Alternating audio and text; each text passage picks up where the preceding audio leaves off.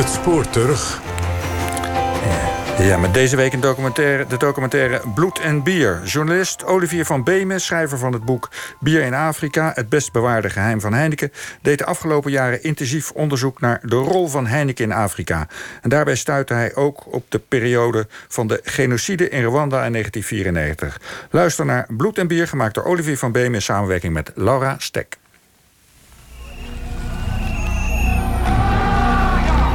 It is not like the famine in Somalia. It is not like the flight of the Iraqi Kurds. It is not like the siege of Sarajevo or the plight of Bosnians displaced by that war. It is, I think, the standard against which all future tragedies will be measured. There is madness and horror beyond telling, beyond belief. We're exposed to, to death every day and night. It's the desperation read on all the faces here. Genocide in Rwanda.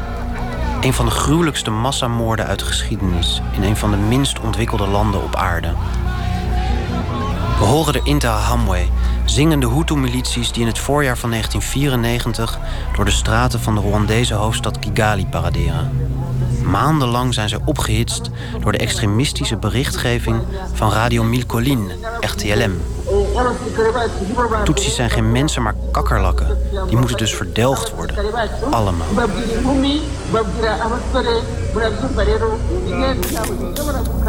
Een volkenmoord ver weg in Afrika. Wat hebben wij daarmee te maken, zou je denken? Maar onze nationale trots Heineken zat er dicht bovenop. Heel dicht. Heerlijk helder Heineken. Het is geen reclamepraatje. Heineken is echt heerlijk helder. Hoe heerlijk helder Heineken echt is, dat zocht ik uit. Toen ik ruim vijf jaar geleden besloot onderzoek te doen naar de activiteiten van Heineken in Afrika, reisde ik voor het eerst naar Rwanda. Een van de elf landen waar de brouwer toen lokale biertjes produceerde. Vooral de felle strijd met een Belgische concurrent trok mijn aandacht. Heineken was het monopolie kwijtgeraakt en werd nu uitgedaagd door de Skol Brewery. This is a rhythm of.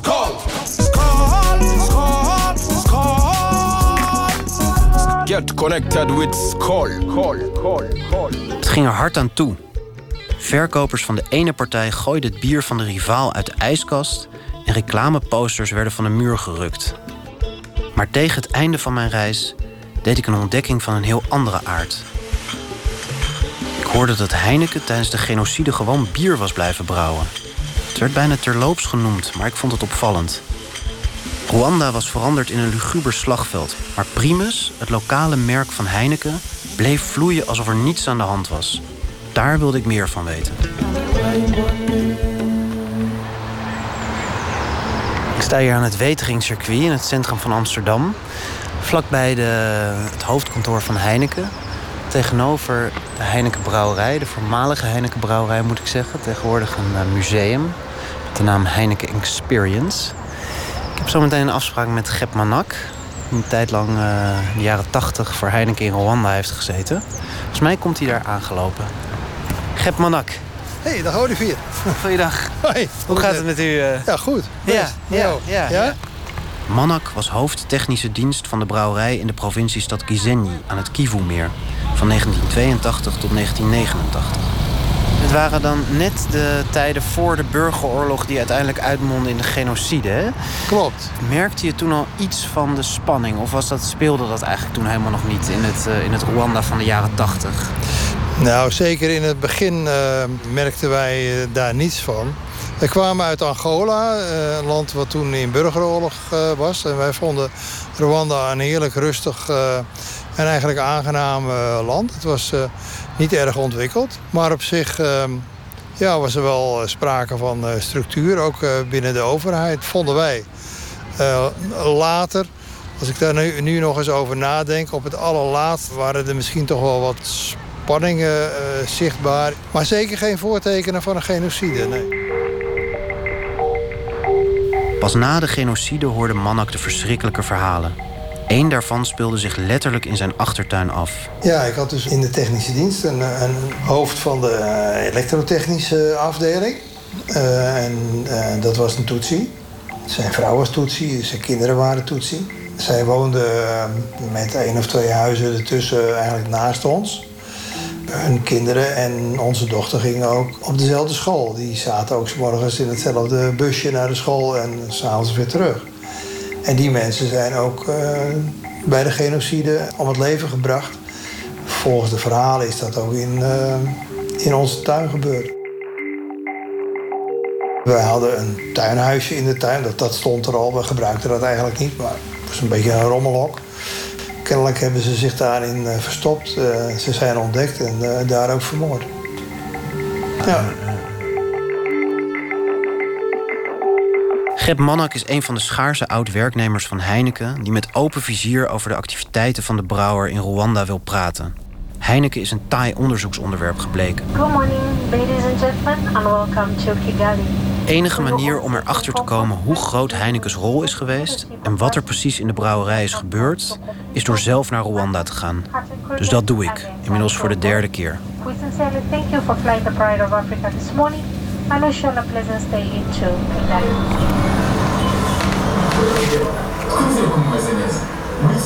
Allereerst ga ik naar het Kigali Genocide Memorial, een indrukwekkend museum en herdenkingscentrum. Je leest er over Tutsis die in dit zeer religieuze land een veilig toevluchtsoord hoopten te vinden in kerken, maar toch werden vermoord. Over vrouwen die werden verkracht door daders besmet met aids en vervolgens juist gespaard werden zodat ze later nogmaals zouden lijden. Hoe kon het zover komen? Dat vraag ik aan de directeur van het herdenkingscentrum, Honoré Gatera. Through education, because the genocide did not happen the next day that divisionism was introduced in Rwanda. Uh, divisionism was introduced in Rwanda in the early 30s and then had its first effects in the late 50s. And for more than 30 years, people in Rwanda, young people, students in schools, everywhere in the community, were taught to hate the Tutsi. So Tutsi were considered as a minority of enemies that had to disappear from this country. So the genocide happened after more than 30 years of education to hatred. Katera vertelt dat het een lang proces is geweest. Kinderen leerden op school al dat de Tutsi-minderheid minder waardig was. Dat was weer een reactie op het oude koloniale idee dat de Tutsis juist beter of hoger zouden zijn. 19e-eeuwse ontdekkingsreizigers als Stanley meenden dat de Tutsis een blanke Ethiopische oorsprong hadden. De Tutsi-minderheid werd dus lange tijd voorgetrokken, maar na de dekolonisatie keerde dat om. Uiteindelijk mondde dat uit in een proces van ontmenselijking. You know, if you consider the stages of preparing a genocide, there is a phase called dehumanization. It happened during the Holocaust. Dehumanizing the Tutsi as Inyenzi, cockroaches, or snakes, Inzoka, uh, that was a way to convince people that uh, killing a Tutsi is like you scratch a cockroach, it's like you kill a snake. And the propaganda was saying in one of their verses that uh, if you don't kill a snake or scratch its head, the snake will kill you. Hutus leerden naar Tutsis kijken als naar kakkerlakken of slangen. Als je een slang niet zelf doodt, zal hij jou doden, was het idee. Zo werden er ongeveer 200.000 daders gekweekt, vaak gewone burgers, die in drie maanden tijd zo'n 800.000 slachtoffers maakten. Veelal met houten knuppels en kapmessen. En dat terwijl ze nauwelijks van elkaar verschilden. Could you tell me the difference between a Hutu and a Tutsi? Hutu and Tutsi speak the same language. People uh, had the same culture and still have the same culture in Rwanda. As I said, there is no difference. Slachtingen en moordpartijen. Geen gezellig decor voor een vers biertje, zou je denken. Maar een commercieel bedrijf zou dit wel eens anders kunnen zien. Dat blijkt als ik de burgeroorlog bespreek met een directielid van destijds, die niet wil dat ik hem bij naam noem. Mooi onderhouden tuin, veel bloemen. Kijken uit over Kigali, de heuvels. Kan niet de precieze details geven, want ik heb uh, volledige anonimiteit beloofd. We gaan de huiskamer binnen. Ah, Jezus aan de muur. Trouwportret, Primus. Allemaal glazen. Ah, des verres, n'est-ce pas? Primus, Henneken en muziek. La bière marche bien, n'est-ce pas? Oui, a vendu. Het directielid vertelt dat ze veel bier verkochten. Heel veel bier. Ik vraag hem waarom. Vous voyez, par exemple, les, les militaires ou les autres personnes De soldaten.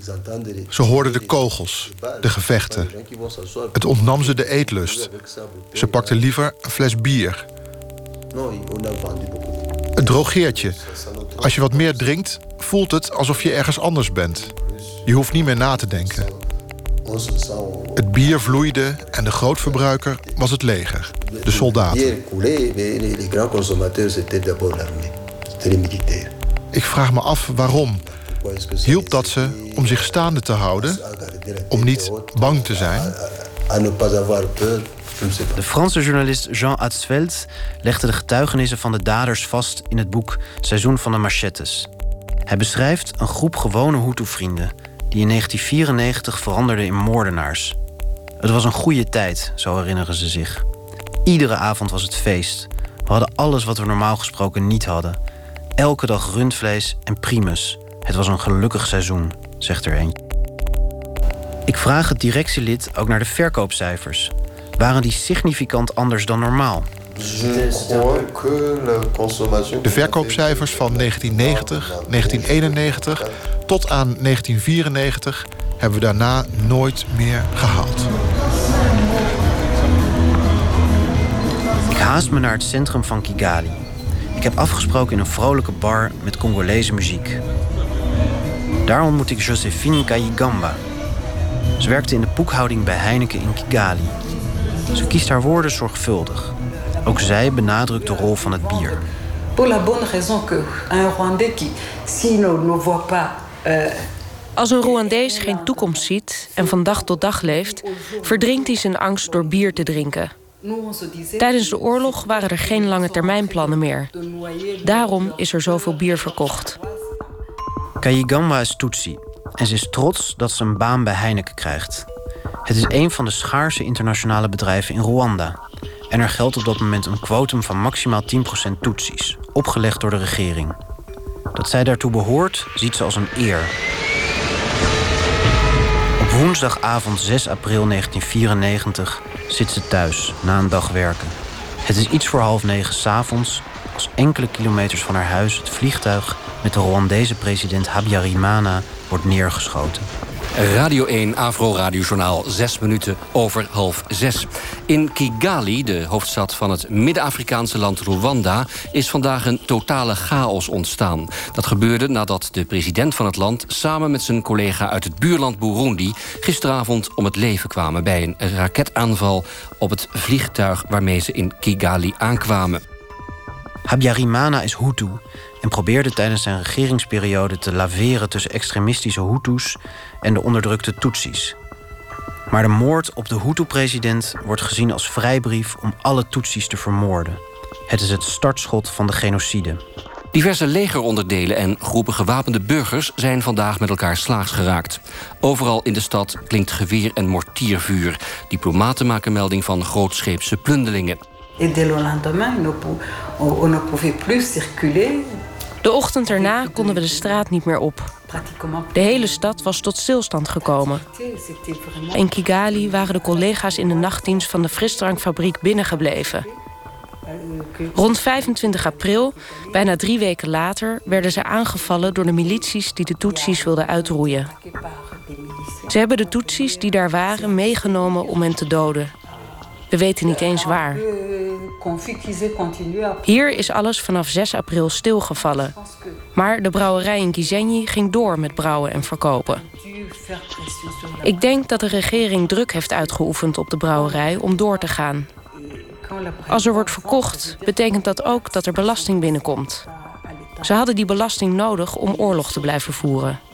En ook het bier. Ze hadden dat nodig om aan de soldaten en de milities te geven.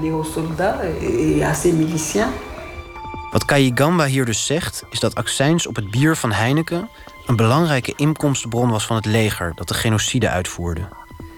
De soldaten laafden zich vervolgens aan het primusbier dat hen bedwelmde om te moorden. Het klinkt als een cynische win-win situatie.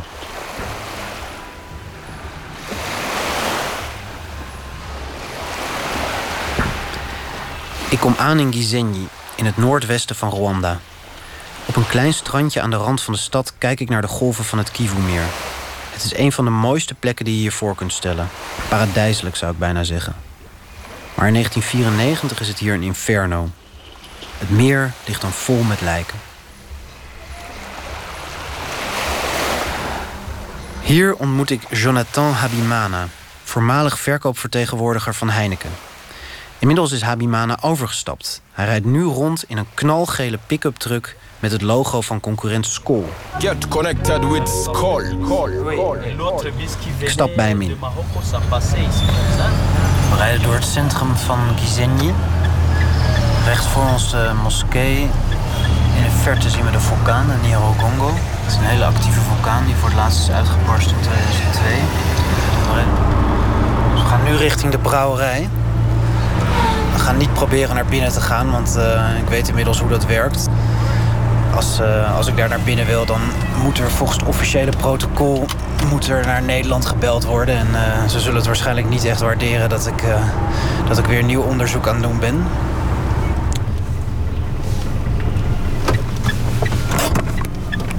Dans les lacs qui vous ici, vous voyez le bateau, c'est là on chargeait, on charge les, les, la bière qui vont à Kibuye, qui vont à Changugu. Vanaf een hoog punt overzien we bijna het hele terrein. De brouwerij is nog steeds actief. C'est l'étage là-bas que vous voyez de l'usine. C'est là on fait le brassage, tout ça. De l'autre côté, c'est là on fait, c'est la bouteillerie. Habimana wijst aan wat waar gebeurt. Laden en lossen bij het meer, het brouwen boven de kantoren en aan de andere kant is de bottelarij. Ook wijst hij naar de opslag. Maar pas als we weer in de auto zitten, zegt Habimana iets over de koelcel, waar mijn haren recht van overeind gaan staan. Avec le corps de l'ancien président. Il avait le corps du président ici. Avec le corps de l'ancien président. De aanslag op de president betekende het startschot van de genocide. En zijn lijk werd tijdens de massaslachting in de koelcel van Heineken bewaard, vertelt Habimana me. Letterlijk een lijk in de kast dus. Dat was mij niet eerder bekend, dus ik zoek uit of het kan kloppen. Uit verslagen van het Rwanda-tribunaal blijkt dat het dode lichaam van de president inderdaad van Kigali naar Gisenyi werd gebracht, waar het op de brouwerij werd bewaard totdat het naar Zaire werd getransporteerd. Het had waarschijnlijk allereerst een praktische reden. Er waren in het Rwanda van 1994 nu eenmaal weinig plekken met een grote koelcel. Ook in het buurland Burundi werd de koelcel in de brouwerij van Heineken gebruikt om te voorkomen dat het lichaam van de president vroegtijdig zou ontbinden. Maar de brouwerij als mortuarium duidt in ieder geval ook op een zeer innige relatie tussen de regering en de lokale Heineken-dochter. In Rwanda voltrok zich een van de grootste rampen uit de moderne geschiedenis. Terwijl Heineken bier bleef brouwen met het lijk van de president in de koelkast. Heineken zelf zegt niet te weten wat daar precies gebeurd is.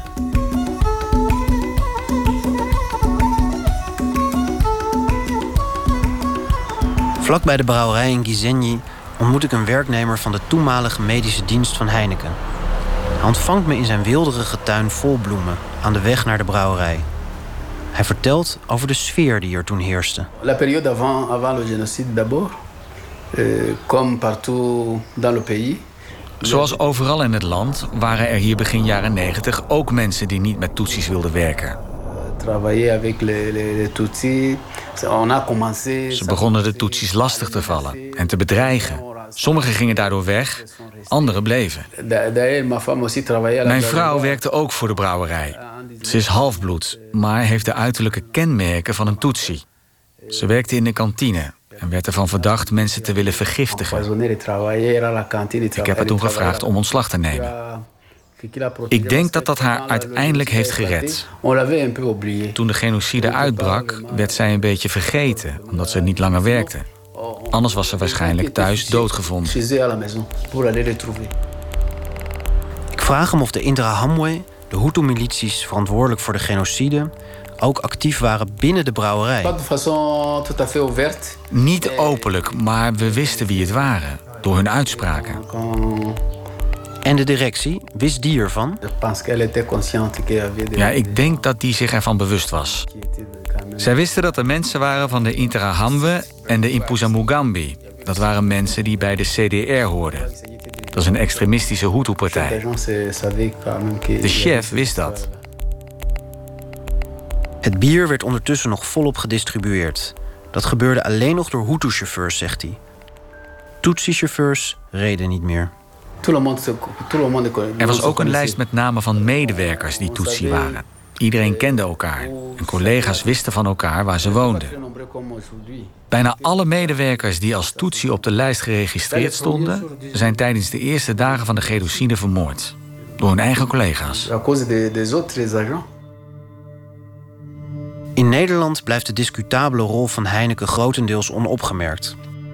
Alleen de Leeuwarden Courant en Trouw berichten erover. Onder de kop Rwanda, het bier en de dood schrijft het dagblad uit Friesland: In die bende blijft één bedrijf overeind: de bierbrouwerij van Heineken. Trouw kopt: In bloedig Rwanda brouwt Heineken lustig voort. Een Heineken-woordvoerster vertelt dat er gewoon wordt gebrouwen, zolang er voldoende schoon water, brandstof en grondstoffen zijn. Het gebrek aan deze drie zaken is op dit moment eigenlijk het grootste probleem, zegt ze. Het artikel meldt dat er berichten bekend zijn over de invloed van drank op de moordpartijen. Maar Heineken ziet geen aanleiding de activiteiten in Rwanda te staken. Waarom, zegt de woordvoerster. Zolang er vraag is en we kunnen produceren, lijkt mij dat niet aan de orde. Voor Heineken was het dus een kwestie van vraag en aanbod. Een voormalig directeur van Heineken in Rwanda bevestigde dat. Heineken is het Rode Kruis niet. Topman Jean-François van Boksmeer heeft me een aantal malen verweten dat ik naar het verleden zou kijken met de ogen van nu. Maar wie het jaarverslag van 1994 op naleest, ziet dat er een milieuparagraaf is en een passage over verantwoord alcoholgebruik. Ook in de jaren 90 werd dus al nagedacht over ethisch zaken doen en maatschappelijk verantwoord ondernemen. Alleen blijkbaar niet in Rwanda en niet tijdens een genocide. Want Afrika is op dat moment nog, zoals Van Boksmeer dat noemt, de achterbuurt van onze business.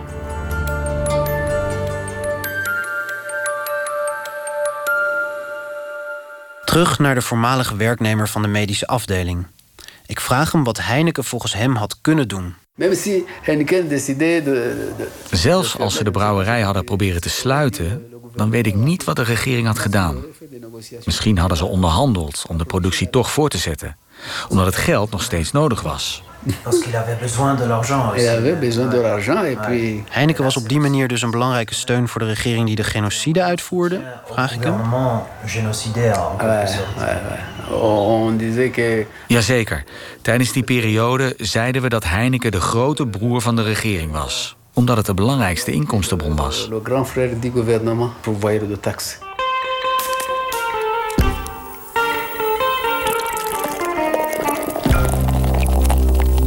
Doe inmiddels ruim vijf jaar onderzoek naar Heineken in Afrika. Lange tijd weigert het bedrijf met me in gesprek te gaan, maar dat verandert begin 2017. Heineken wil nu wel met me praten en raadt me zelfs gesprekspartners aan.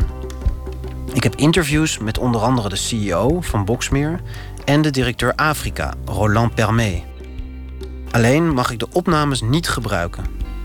In die interviews krijg ik opeens een heel nieuw verhaal te horen. De brouwerij van Heineken, gerund door personeel van Heineken, zou niet langer in het bezit zijn geweest van Heineken.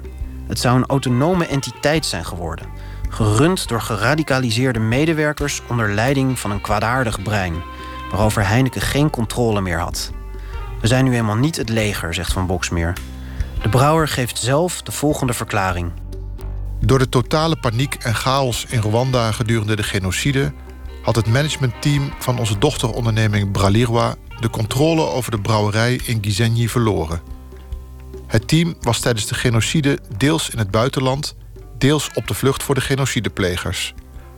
Als gevolg daarvan leidde de lokale brouwerijmanager de brouwerij, zonder instructies of aansturing van de directie. Na enige tijd waren er twee leden van het managementteam in Goma aanwezig, met als doel duidelijkheid te krijgen over de situatie in Rwanda. Vergeet niet dat er toen geen mobiele telefoons waren en dat men geen internet of e-mail had. De Franstalige radio RFI was de belangrijkste bron van informatie. Sommige van onze medewerkers staken de grenzen over en werden in Goma opgevangen. Er vonden in Goma wat gesprekken plaats met mensen van de brouwerij. Maar dit betekent absoluut niet dat Heineken de controle over de brouwerij had. Het was nagenoeg onmogelijk om een beeld te krijgen van de situatie ter plekke. Laat staan precies te weten wat er daadwerkelijk allemaal in Gizegny gebeurde.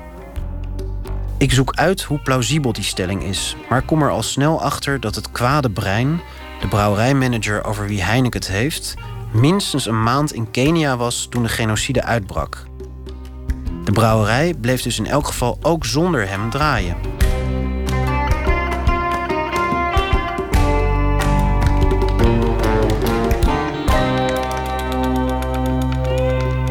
Nog heel even kort introduceren of zo? Dan hoor ik even hoe je... Ja, ik ben uh, Gep Mannak. ja. Ik spreek nog een keer af met Gep Mannak, het voormalige hoofdtechnische dienst van Heineken, om te vragen hoe hij die verklaring inschat. Ten eerste is er het probleem van de toelevering. Ik kan me nog wel goed herinneren dat destijds de, het aantal generaties gist uh, maximaal zeven was. Dus heb je regelmatig leverantie van gist uit Nederland nodig. Dat is een heel specialistisch uh, métier om gist te selecteren.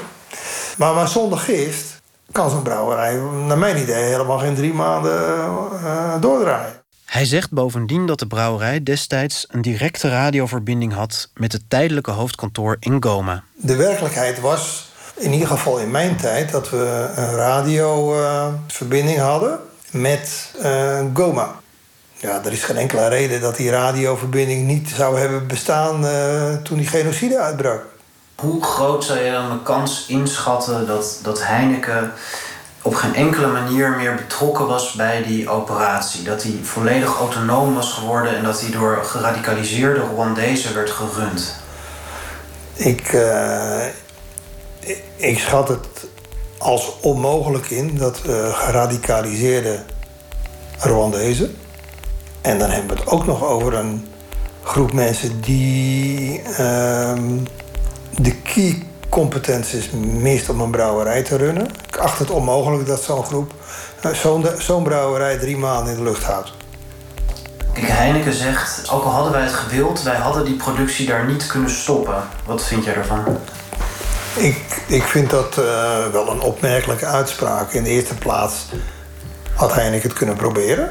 En er was echt alle reden toe om, om dat te proberen en om dat te herproberen. Maar verder denk ik dat Heineken um, in, sta in, staat moet zijn geweest om de brouwerij stil te leggen. Door uh, het personeel opdracht te geven de productie te stoppen. En in ieder geval te stoppen met leveranties. De transporteur is ook, was destijds een Belgisch bedrijf. Nou, dat is één telefoontje naar uh, de hoogste directeur in Antwerpen. En die, uh, die laat zo die trucks omdraaien. Het feit dat, dat Heineken gewoon heeft doorgebrouwen tijdens die genocide, wat, uh, wat vind jij daarvan? Nou, persoonlijk schaam ik me daarvoor. Ja, alleen al het idee dat uh, de genocide voor een deel gefinancierd kan zijn geweest door de belasting die de brouwerij uh, heeft gegenereerd, vind ik, vind ik eigenlijk uh, ja, vind, vind ik ongelooflijk kwalijk. Ik denk aan Josephine Gayigamba, die ik ontmoette in die vrolijke bar in het centrum van Kigali. Ze was een van de weinige toetsies bij Heineken die de verschrikkingen overleefde. Hoe? Dat weet ze zelf ook nog steeds niet. Comment, je ne sais pas. Ik had mijn huis verlaten, omdat we meermaals waren aangevallen door de milities. Ik was naar een andere buurt gegaan. Het was toeval. Ik ben gelovig, dus ik zeg dat het de hand van God was. Ik kan het niet uitleggen. Er zijn meer Tutsi-collega's die het hebben overleefd, maar niet veel. Ik kan ze op één hand tellen. In het jaarverslag van Heineken van 1994 worden de tientallen doden niet genoemd. Het volstaat met twee zinnen in het regionale stukje over Afrika. Het jaar 1994 werd getekend door de rampzalige gebeurtenissen in Rwanda, die ook aan onze medewerkers al daar niet voorbij zijn gegaan. Ons medeleven gaat uit naar alle die door het oorlogsgeweld zijn getroffen. Ook daarna is er nooit teruggekeken, zegt het voormalig directielid. Het was een dossier waarvan we afstand wilden nemen. Er is niemand geweest die het ooit heeft aangedurfd zich daarmee bezig te houden. Non, moi je n'ai rien. Rien. Pas En fait, je crois que c'est un dossier dans lequel on, on aimerait être loin de, de ce dossier. Il n'y a personne qui a jamais osé mettre son, son pied